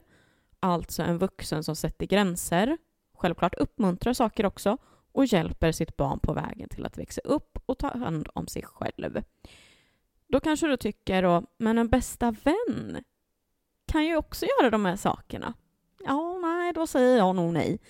För att en bästa vän säger kanske inte ja, men var hemma innan midnatt eller drick inte alkohol när du är 14 år eller ha inte sex utan kondom och så vidare. För att en bästa vän sätter gränser i relationen men de sätter inte gränser till vad som är bra och dåligt för en bra uppväxt. Och typ så. Liksom. Ja. Så det är väl lite det jag till en början känner. Eh, för att jag tittade på, um, du har ju säkert sett filmen LOL. Nej. Du har inte det? Nej. Jag har tänkt på att jag ska göra det många gånger men jag har inte gjort det. Okej, ja men det, är- det är ju i alla fall en film från 2012 med Miley Cyrus och eh, Demi Moore. Ehm, och jag tittade ju som sagt på den på men, häromdagen och då handlar det ju liksom lite om att tonårsdottern och mamman har en väldigt, väldigt nära relation till varandra. Där de liksom typ berättar allt för varandra. Vilket lite så här backfires när det visar sig att dottern inte alls berättar allt. Eh, och det blir väldigt intressant när man då tittar på den här filmen för att jag tycker ju direkt att vissa saker ska man nog inte berätta för sina föräldrar. Vissa saker ingår i ens uppväxt att man ska hålla saker lite hemligt också. Absolut. För att jag kan nog någonstans tycka att du behöver inte sitta och berätta för din mamma exakt i detalj. Nej. Du kanske säger, ja men eh, du säger att du har en pojkvän och ni pratar om att ni ska ha sex för första gången. Ja men absolut, prata med din mamma för att få lite hjälp och liksom lite tips, lite förklar, alltså lite lätta förklaringar, men sätt inte sen kanske och berätta det detaljerat. Alltså sådana saker. Eh, för att man ska kunna anförtro sig till sina föräldrar, Ja. 100 procent. Ja. Men man kanske som sagt inte behöver berätta allt i, in i det minsta detalj. För jag tänker någonstans att risken finns att föräldern till sist kanske glömmer bort gränserna och uppmuntrar till fel saker för att den själv glömmer bort att den är föräldern och så kallat förebilden. Mm, det tror jag också. I alla fall speciellt när man kommer upp i lite äldre åldern, alltså typ 14-15. För då vill man vara den coola föräldern. Ja, precis. Och det är också där som många barn eller liksom unga eller tonåringar börjar dra sig ifrån sina föräldrar Och då kanske man vill fånga in barnet genom att vara cool. exakt. Men sen tror jag att det här är mer vanligt och förekommande bland döttrar och mödrar eftersom att det är oftast generellt kvinnor som öppnar upp sig mera. Mm. Du tänker så? Ja. Jag tror det i alla fall. Mm. Jag har liksom, jag, jag får lite den känslan för att jag har svårt att se Ja. hur, en, hur en kille berättar ja, men, eh, för sin mamma att nu ska jag ha sex för första gången med min tjej. Mm. Där känns det även som att mamman eller pappan då, om det hade varit det, ehm, att de kanske mer är såhär, "Va, men var noggrann med att skydda dig liksom och vara försiktig. Och sen är det bra med det. Ja men lite så tror jag. Mm. jag. Jag får lite den viben Mm, när jag, tänker med. på det. Generellt sett så ja. Men det är ju fortfarande också så att du kan också ha istället i motsatsen en för distanserad relation. Och då blir det ju istället att kanske barnet inte berättar någonting alls, vilket Mm. i sin tur heller inte är bra. Så det är väl lite så här självklart, för mycket är aldrig för bra. Eller för mycket är aldrig bra, men för lite är inte heller bra. Inge, ingenting är svart eller vitt. Men det du sa det här om den här filmen LOL där, att de eh, upp, ehm, ehm, båda två kanske upplevde att vi står varandra jättenära. Vi upplever att vi står varandra jätte, jättenära. Men sen när man börjar tänka på det, men jag berättar ju inte det här, jag tar inte upp det här, Mm. jag vågar inte riktigt mm, ta de här sakerna med mamma eller vad det kan vara. Jag tror att det kan vara så att man många gånger upplever det som att man har en nära relation, men det är en ytlig nära relation. Exakt, för där blev det ju liksom, där läste mamman sin dotters eh, dagbok. Och då visade, det var ju där hon liksom, hon blev ju hur chockad som helst för att det var ju saker som hon inte trodde om sin lilla Mm. fjompa liksom, eller vad man ska säga. Mm. Så att jag, jag vet inte, jag, jag tycker det är fint i vuxen ålder. Alltså jätte, jättefint av anledningen att som sagt, då är man, då är man inte på samma sätt en förebild längre. Men jag tror också så här, också allmänt att det är inte jättemånga barn eller liksom tonåringar som kommer till mamma och pappa och berättar att ja, ah, jag träffade den här killen och ja, vi ska liksom... Jag, jag tror för det första att den gruppen är extremt liten. Och även, eh, även om man gör det, vilket är bra, jag tycker det är en bra sak, jag tycker man ska göra det, jag tycker det är bra. Men att det skulle slå över då att liksom eh, man kommer sen efteråt och bara Du mamma, ah, men det var så här, han gjorde det här och det här med mig och det kändes jättebra. Jag tror inte att det händer speciellt jag tror inte den gruppen är stor. Och jag tror inte heller att föräldrar är såhär, ja men du vet när jag och, mam- när jag och pappa skulle till, vet du, då var det så här. Ja men så det kan ni, alltså jag, jag tror att den gruppen är liten. Mm. Ja, det hoppas jag. Nej men jag tror det. Utan jag tror mer att eh, om man är öppna och kan skämta med varandra, liksom så här, jag tror mer att det kan komma lite senare, alltså i vuxen ålder som du säger, mer att liksom ehm, så. Att man mera kan skämtsamt prata om det och liksom så här, beroende på vad man är för familj. Jag menar herregud, jag menar jag och mamma till exempel, eh, alla de här sakerna som jag berättat i podden har ju inte jag sprungit och berättat för mamma. Men hon vet allt nu ändå. Ja, men det, det är liksom inte det att jag har sprungit och berättat för mamma att ah, på midsommar hände det här och det här och det här. Det har jag inte gjort, men det gör mig inte någonting heller att hon vet om det. Nej. Men det är inte som att hon är intresserad av att fråga mer. Nej, utan men det är mer att vi kan garva med Louise, vad fan var du tvungen? Eller ja det var kul va när ni var där borta, kan jag tänka mig. Alltså sådär, och sen är det inget mer med det. Man sitter ju inte detaljerat och berättar saker, eller i alla fall inte jag. Och in, alltså så här, förstår du? Så att jag tror att, ehm, mm, Men det är ju som sagt, för mycket är inte bra, men för lite är inte heller bra. nej. Nu har vi ju pratat om eh, släkt och syskon och inte syskon och lite sådär. Och eh, nämnde lite grann i början här att jag eh, har ju skilda föräldrar. Så jag tänker att vi kanske ska prata lite, ska vi snacka lite skilsmässor?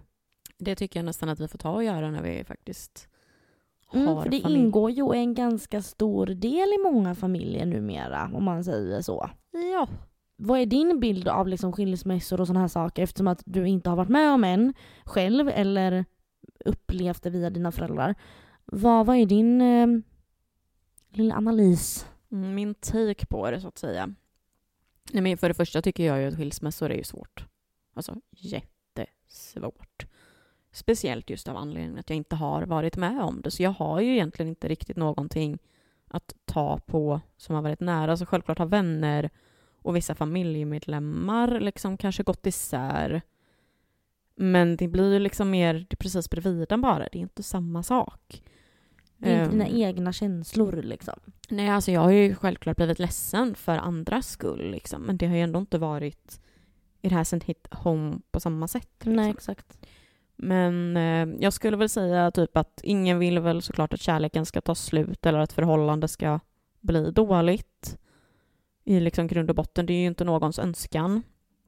Eh, men jag har lite olika syn på det för att jag tycker lite beror på. Och då kommer jag nu då alltså utgå från om paret har barn. Ja. Eftersom att det är familj vi pratar om. Ja.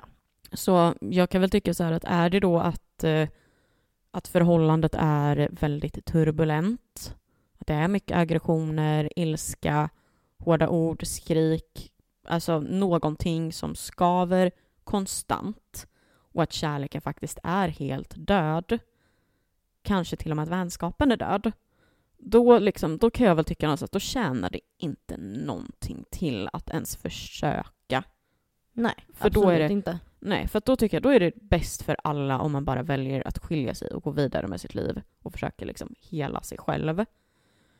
Men skulle det däremot vara så att kärleken bara har svalnat och då kan jag väl någonstans tycka, ja, men börja åtminstone kanske då med parterapi, Ja, och analysera förhållandet. ja, men alltså just det här med parterapi som du säger Linnea.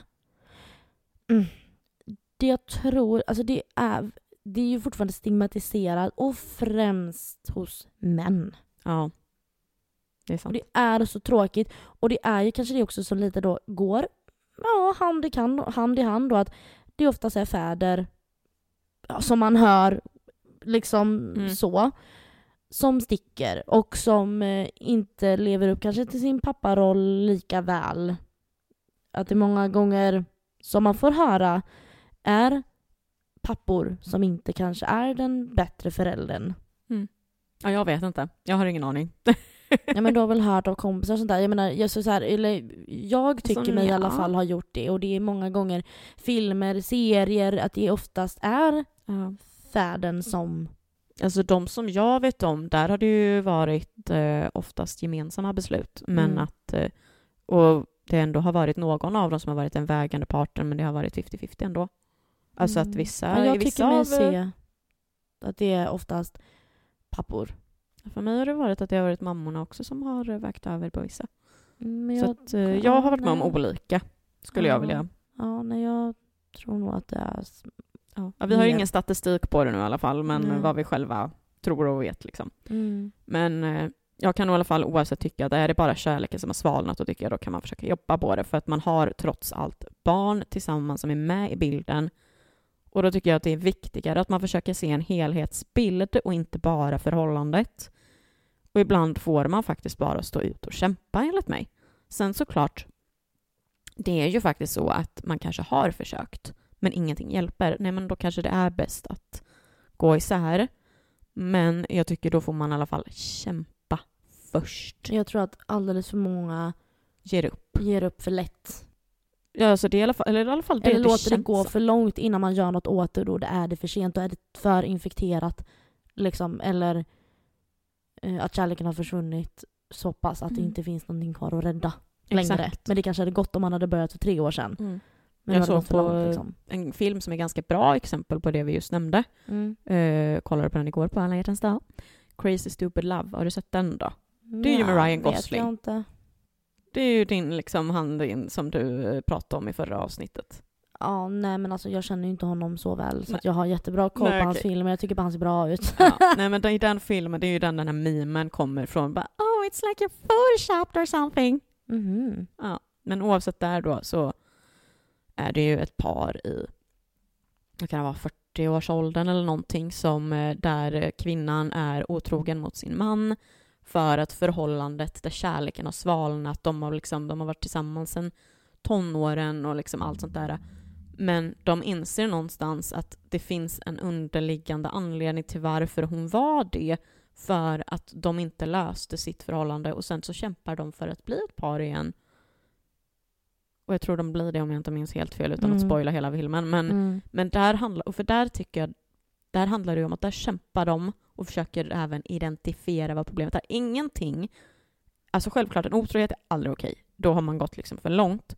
Men det jag menar är med själva grejen av att Om man vill rädda det. ja, vill man rädda det och man ser vad, alltså anledningen till varför vissa saker har hänt Ja. och är beredd på att förlåta det, men gör det. Alltså lyssna inte på samhället av att bara nej man ska aldrig hand. förlåta en otrohet och la la la la la. Alltså allting är individuellt. Ja. Men jag, men jag, för jag tror alltså så här, eh, att det kan många gånger bero på, återigen, det här vi pratar om, ambivalent, dis, disorienterad och allt det här, att många gånger så får man inte sina behov rätt tillgodosedda. Och hade man bara haft kommunikationen och sagt det här behöver jag ifrån dig. Kan inte du ge mig det? Nej men då, då, och vi kan inte jobba på det. Nej men då är det så. Men är man beredd att ah, tillmötesgå eh, de behov man har, då kan det ju bli bättre. Exakt, och det är det jag någonstans tänker är är lite liksom min take på skilsmässa överlag. För att det är ju också så här, återigen då om man har barn i det hela så är det ju också så, jag vet inte, det här kanske du lite kan bekräfta när jag har sagt klart då. Um, för att jag tänker att det finns ju också åldrar på sina barn som är bättre versus sämre. Att, eh, eller ja, mindre värre och värre så att säga egentligen när, eh, alltså där föräldrarna väljer att skilja sig. För att är det till exempel att ens barn går igenom puberteten samtidigt som man väljer att skilja sig, maybe that's not a good idea, faktiskt. Då kan jag liksom tycka att okej, okay, men då får man kanske på något sätt börja fundera på om det är så jättebra. För att det är ju liksom så här... I alla fall fortfarande återigen, om det bara är att kärleken har svalnat, då tycker jag då, kan man, då får man kämpa sig över den åldern så att barnen inte kanske behöver gå igenom puberteten samtidigt som de får gå igenom känslan av att ens föräldrar går isär för att det är redan så jobbigt som det är med livet överlag. Sen såklart, fortfarande, är det toxic? Skitsamma i delarna för att då kommer barnen skadas oavsett ens val. Och då är det bättre att lämna såklart. Så det är väl lite så här, Ja, vad, vad säger du om den saken som jag just sa nu om det här med puberteten och barnen? Jag tycker att det är lite... Nej, jag tycker det är lite too much att säga så egentligen för att så här, om du och din partner, ni har en tonårsson eller en tonårsdotter och ni har bråkat i lång tid, det har inte varit bra länge. Och när jag säger länge så menar jag inte ett år utan jag menar kanske sju år. Mm. Eh, och det finns perioder som kanske är bättre men det är inte bra. Ska ni behöva stå ut i kanske fem, fyra, fem år till då? Men det var ju det jag sa just det, att är det toxic ska man ju lämna oavsett för det kommer gå skit ja, men bråk är ju all, bråk oavsett är ju toxic. Ja, men jag tänker om kärleken bara har svalnat. Ja, men vad, det beror på så vad, man in, vad det betyder, kärleken har svalnat. För att det är också så här, ja, nej, jag tycker inte att det är någonting egentligen man ska ta hänsyn till. För att det går inte, det kommer aldrig vara en bra tid. Visst, det finns tider som är lite bättre och lite sämre. Men faktumet är att det, det, det är det här som kommer ske. Mamma och pappa kommer gå isär. Det är lika dåligt eh, kan jag tänka mig när ett barn är tre, fyra, fem år när de inte kan förstå vad det är som händer. Mm. Jag, jag, kan tänka mig att det är likadant där. Du kan ändå förklara för en 13-14-åring varför de kan få en förståelse. Men det kan inte ett litet barn ha mamma och pappa vill inte vara varandra och är det mig det är fel på? Är det mig, mitt fel att det händer så här? Det är många gånger många barn att tror att det är deras fel att föräldrarna går isär. Eh, för att jag har varit dum eller för att jag inte har städat mitt rum. Alltså, de, är, de fattar ju inte liksom. Så jag tror att oavsett så är det ingen bättre eller sämre tid. Jag tror inte det Nej. faktiskt. Um, och jag, som sagt, jag var ju 13, jag skulle byta skola uh, och de flyttade isär och här grejer. Så att ja, alltså det är klart att det inte var roligt, men hade de inte gjort det då och jag faktiskt hade haft möjligheten att bo både på landet och fem minuter från skolan, då hade jag nog inte utvecklat den typen av vänner som jag ändå fick där och kunde umgås mer med mina kompisar som bodde i Vårgårda eh, och utvecklas mycket socialt i det tror jag. Så att Sen är det klart att ja, det var ju inte jätteroligt men eh, det var ju det bästa alternativet för de mm. skulle ju inte vara tillsammans. Mm. För det är det jag menar med eftersom att jag inte har gått igenom det så är det svårt för mig. För det här är ju bara sånt som jag tänker. Ja. Typ liksom vad, hur, vad, i mitt huvud liksom. Ja, och vad man ser och vad man får höra. Ja. Så är det ju. Exakt. Men vad tänker du då? Som faktiskt har gått igenom det. Ja, vad tänker jag? Jag tänker väl rätt och slätt, är det inte bra? Är det inte bra? Håll inte ihop för barnen. För barn är inte dumma i huvudet. Barn är barn har känselspröt. Barn förstår mer än vad vi förstår som vuxna. Så att jag, jag, jag, jag är så här, är det inte bra, nej men håll inte ihop för barnens skull. För att du mår inte bra som förälder. Och det kommer spegla sig i barnen. Visst, absolut, du kan vara en bra förälder som ja men här får ni ett dataspel, sätter och spela och det, ni, ni vill ha det och bla bla bla. Vi åker och åker pulka om man är med men du kanske inte investerar för att du mår inte bra. Du är inte närvarande förälder för att du mår inte bra. Och det kommer spegla sig och det kommer visa sig hos barnen sen. Eh, så att det är klart, eh, Finns det en vilja att det ska bli bra? Hos båda? Gör ett försök, det är inte det jag säger. Finns det en vilja att det ska bli bra? Men handlar det bara om att nej, men vi, nej, men jag, jag får hålla ihop nu bara för barnens skull? Nej. För det, det är inte bra.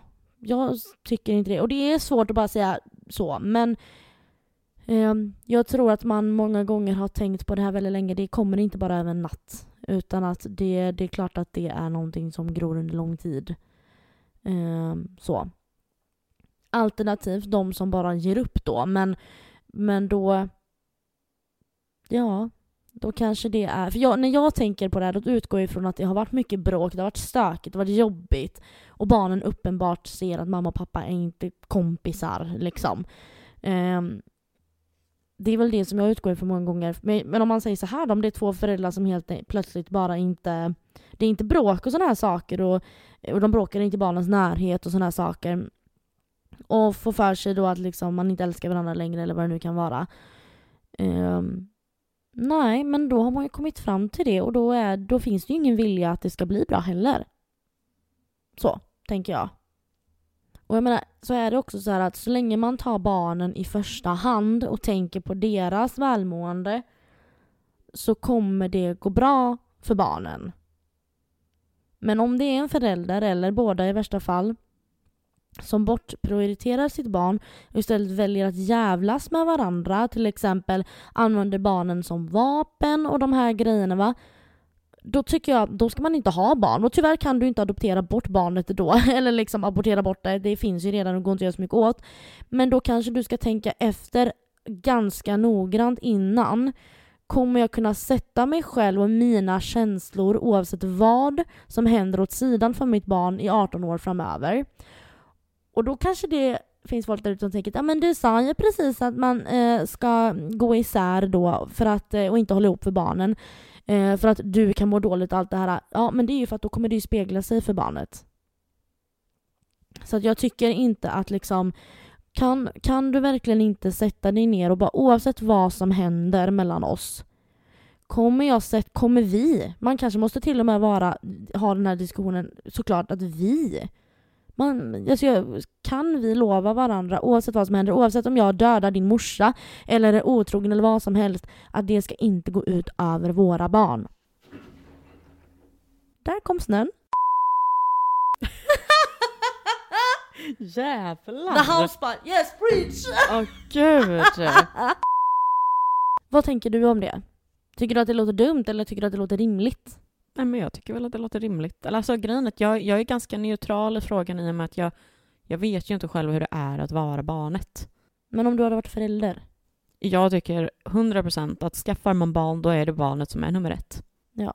Det är liksom, det är inte en tvekan om saken. Alltså, För det är ditt ansvar att göra den här personen så bra som möjligt exakt. och få alla möjligheter att kunna bli en så bra person som möjligt. Ja, för det är ju återigen som vi sa innan, man är förebilden.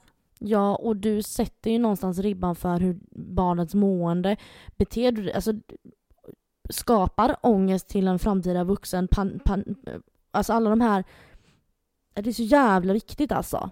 Och därför kan jag oh, bli lite provocerad eh, när det är folk som bara hipp som happ liksom så här, åh vi ska få barn! Som att det är liksom en rättighet att, men jag vill ha en bebis. Ja, jo, men tänk också på att du kommer få en tonåring som kanske börjar med droger.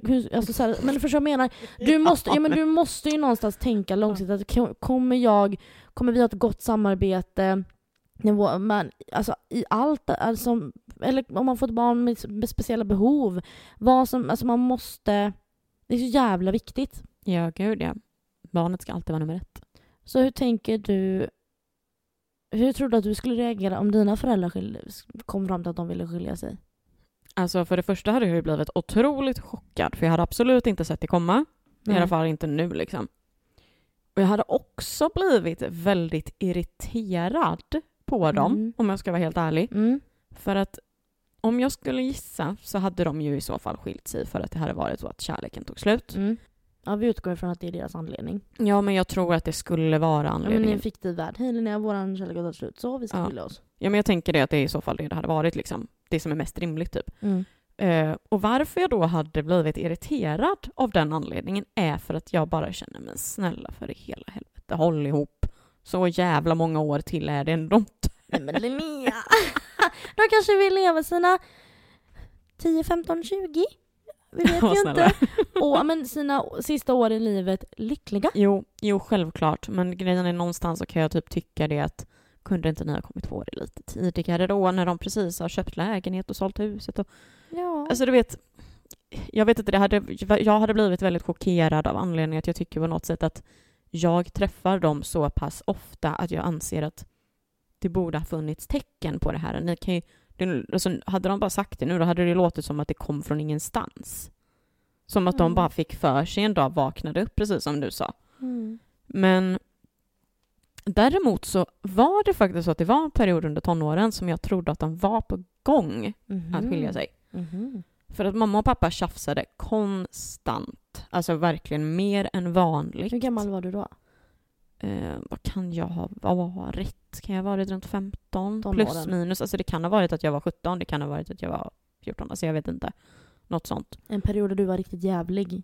Ja men precis. Nej men gud, då var jag nog en, en riktigt snäll, snäll liten, snäll liten golden retriever. Mhm. Nej men faktiskt. Ehm, Och det var liksom, det var alltid högre tonfall och det var hårdare ord. Inga liksom elaka ord så, men det var liksom svordomar som var betoningar och Det var inte bra. Nej men stämningen kändes överlag väldigt annorlunda och väldigt konstig. Och jag undvek ju dem typ så gott, alltså så Ja. gott det gick för att jag lät dem liksom hålla på förutom de gångerna när jag istället typ kunde skrika på dem att lägga av. För att det var så alltså, onödiga saker som de tjafsade om också hela tiden. Um, de skiljer sig uppenbarligen inte och det blev ju bra sen igen. Men jag tänker typ så här i efterhand. Undrar vad som hade hänt. Ja, Eller och jag liv hade sett ut. Ja, men jag tänker också typ så här, förmodligen så måste det varit att de hamnade i en tuff period som de lyckades ta sig igenom. Mm. Och mamma och pappa är båda väldigt, väldigt olika som natt och dag. Pappa är väldigt nära sina känslor, som jag då har fått på det sättet, medan mamma är väldigt hårdhudad och väldigt ärlig i sitt sätt att prata och jag har ju fått ärlighetens sätt att prata från henne. Så jag tror typ att det skar sig något så enormt just då. Mm. Men vad vet jag, någonting kanske kunde ha hänt. Kanske var en, en otrohet. Nej, det tror jag inte, men liksom, man vet ju aldrig. Däremot så tror jag inte att de skulle skilja sig.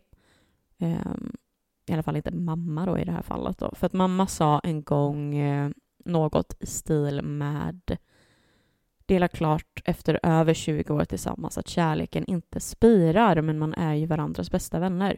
Mm. Och just då var det för att det var några nära som, eh, som gick igenom en skilsmässa. Eh, som hon också då såklart var väldigt ledsen över.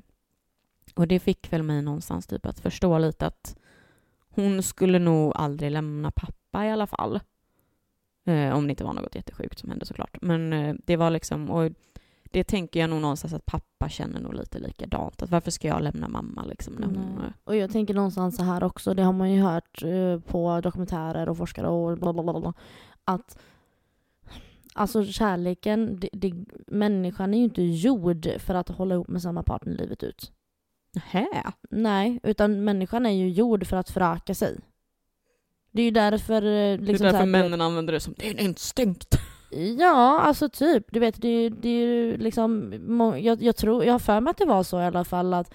Eh, alltså absolut, men att det är ju liksom... Det är ju därför typ jag hör någonstans att killar många gånger har lättare att liksom bara så, shit, nu är Ja, nästa kanske. brud, hoppa i säng, shit. Alltså att, någonstans har jag hört det, jag vet inte om det är sant, Mm. men jag har hört det. Och att det är ju då för att föröka sig, de här grejerna då. Mm. Och jag tror typ att ehm, det är omöjligt att behålla en kärlek jämn nivå genom hela livet. Ja, jag menar de träffades 85, om inte ännu tidigare. Hur länge är det? Det är snart 40 år. Mm. Alltså jag fattar att man inte är kär, kär hela tiden. Nej, det är Jag hade varit- omöjligt. Ja, och jag tror, alltså helt ärligt, jag tycker ju att de har blivit mer kärleksfulla de senaste fem åren. Mm. Men det, jag tror Liksom. att det, ja. Mm. Alltså ändå i alla fall på det sättet av att, för de har ju aldrig liksom hållit på och pussat på varandra när jag har sett liksom, men de har blivit mer kramiga, lite mer gosiga på något sätt. För att förr Mm. kunde mamma bli lite så men håller inte på och krama sin massa. Men Mm. nu liksom tar hon emot det mer, så jag vet inte. Mm. Nej men det är intressant. Ja, det är det verkligen. Men jag är väldigt glad att de inte har gjort det, för jag tror att i och med att jag inte har några syskon så hade jag nog inte, jag hade inte tagit det bra överhuvudtaget. Nej. faktiskt. Jag tror verkligen inte det. Men eh, ska vi ta och avrunda? Ja men jag tänker det. Jag känner att det mesta har blivit sagt och jag känner att vi har fått ut ganska mycket bra. Ja.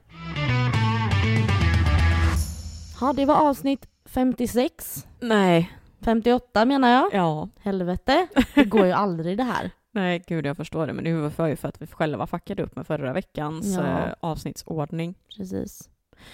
Så okej, hur, eh, hur eh, ser du på kommande vecka? Nu är det ju så här att det är sportlov just nu va?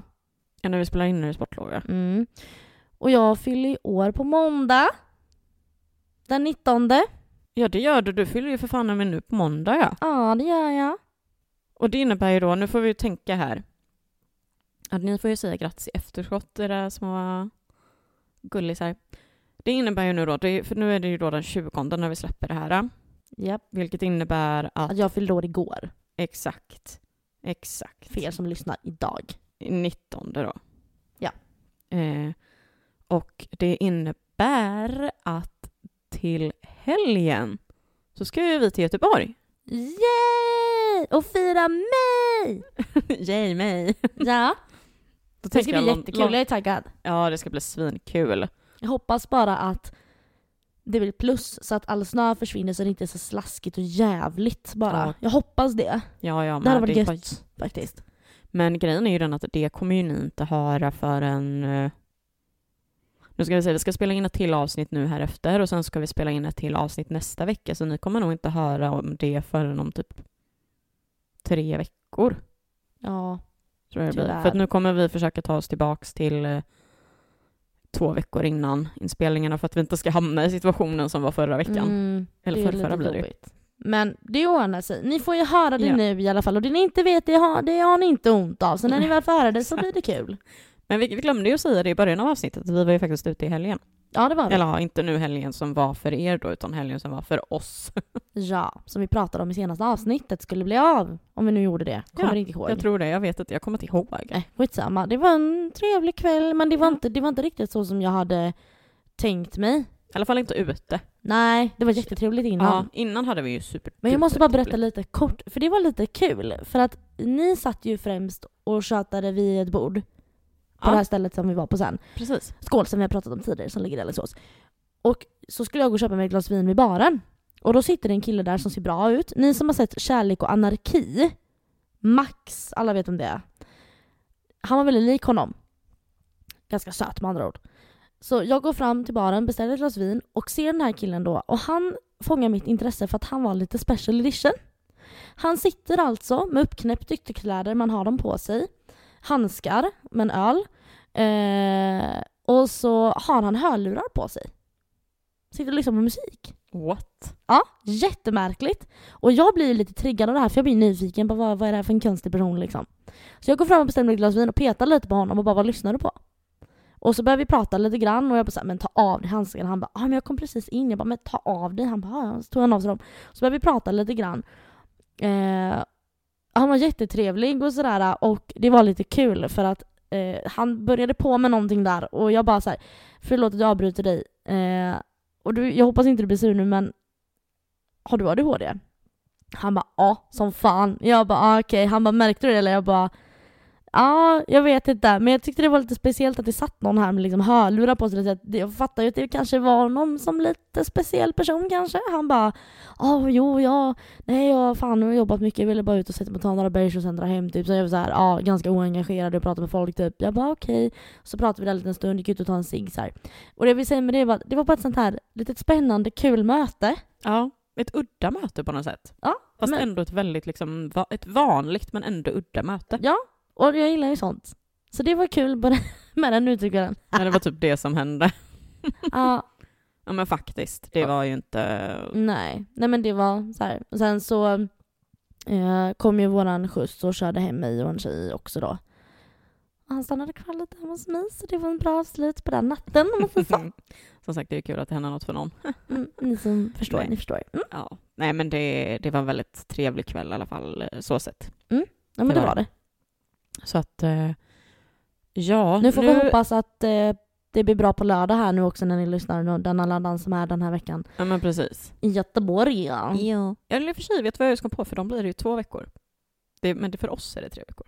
Ja, det Eller jag vet inte, jag börjar för fan ja, blanda men nu, ihop nu, nej men hej då, Nu- nu, vill jag ha en sen lunch. Ja, och jag behöver kissa, det har jag behövt göra i snart två timmar. Ja, hej då, vi hörs, ha det gött, puss och kram. Ja, hej då, godnatt min skatt säger jag idag nu då, så får du säga mitt standard. Puss och kram skumbanan. Lite tydligare. Ja, Men jag tycker det är så äckligt, puss och kram skumbanan. Ja, perfekt. Puss och kram, hej! Hej.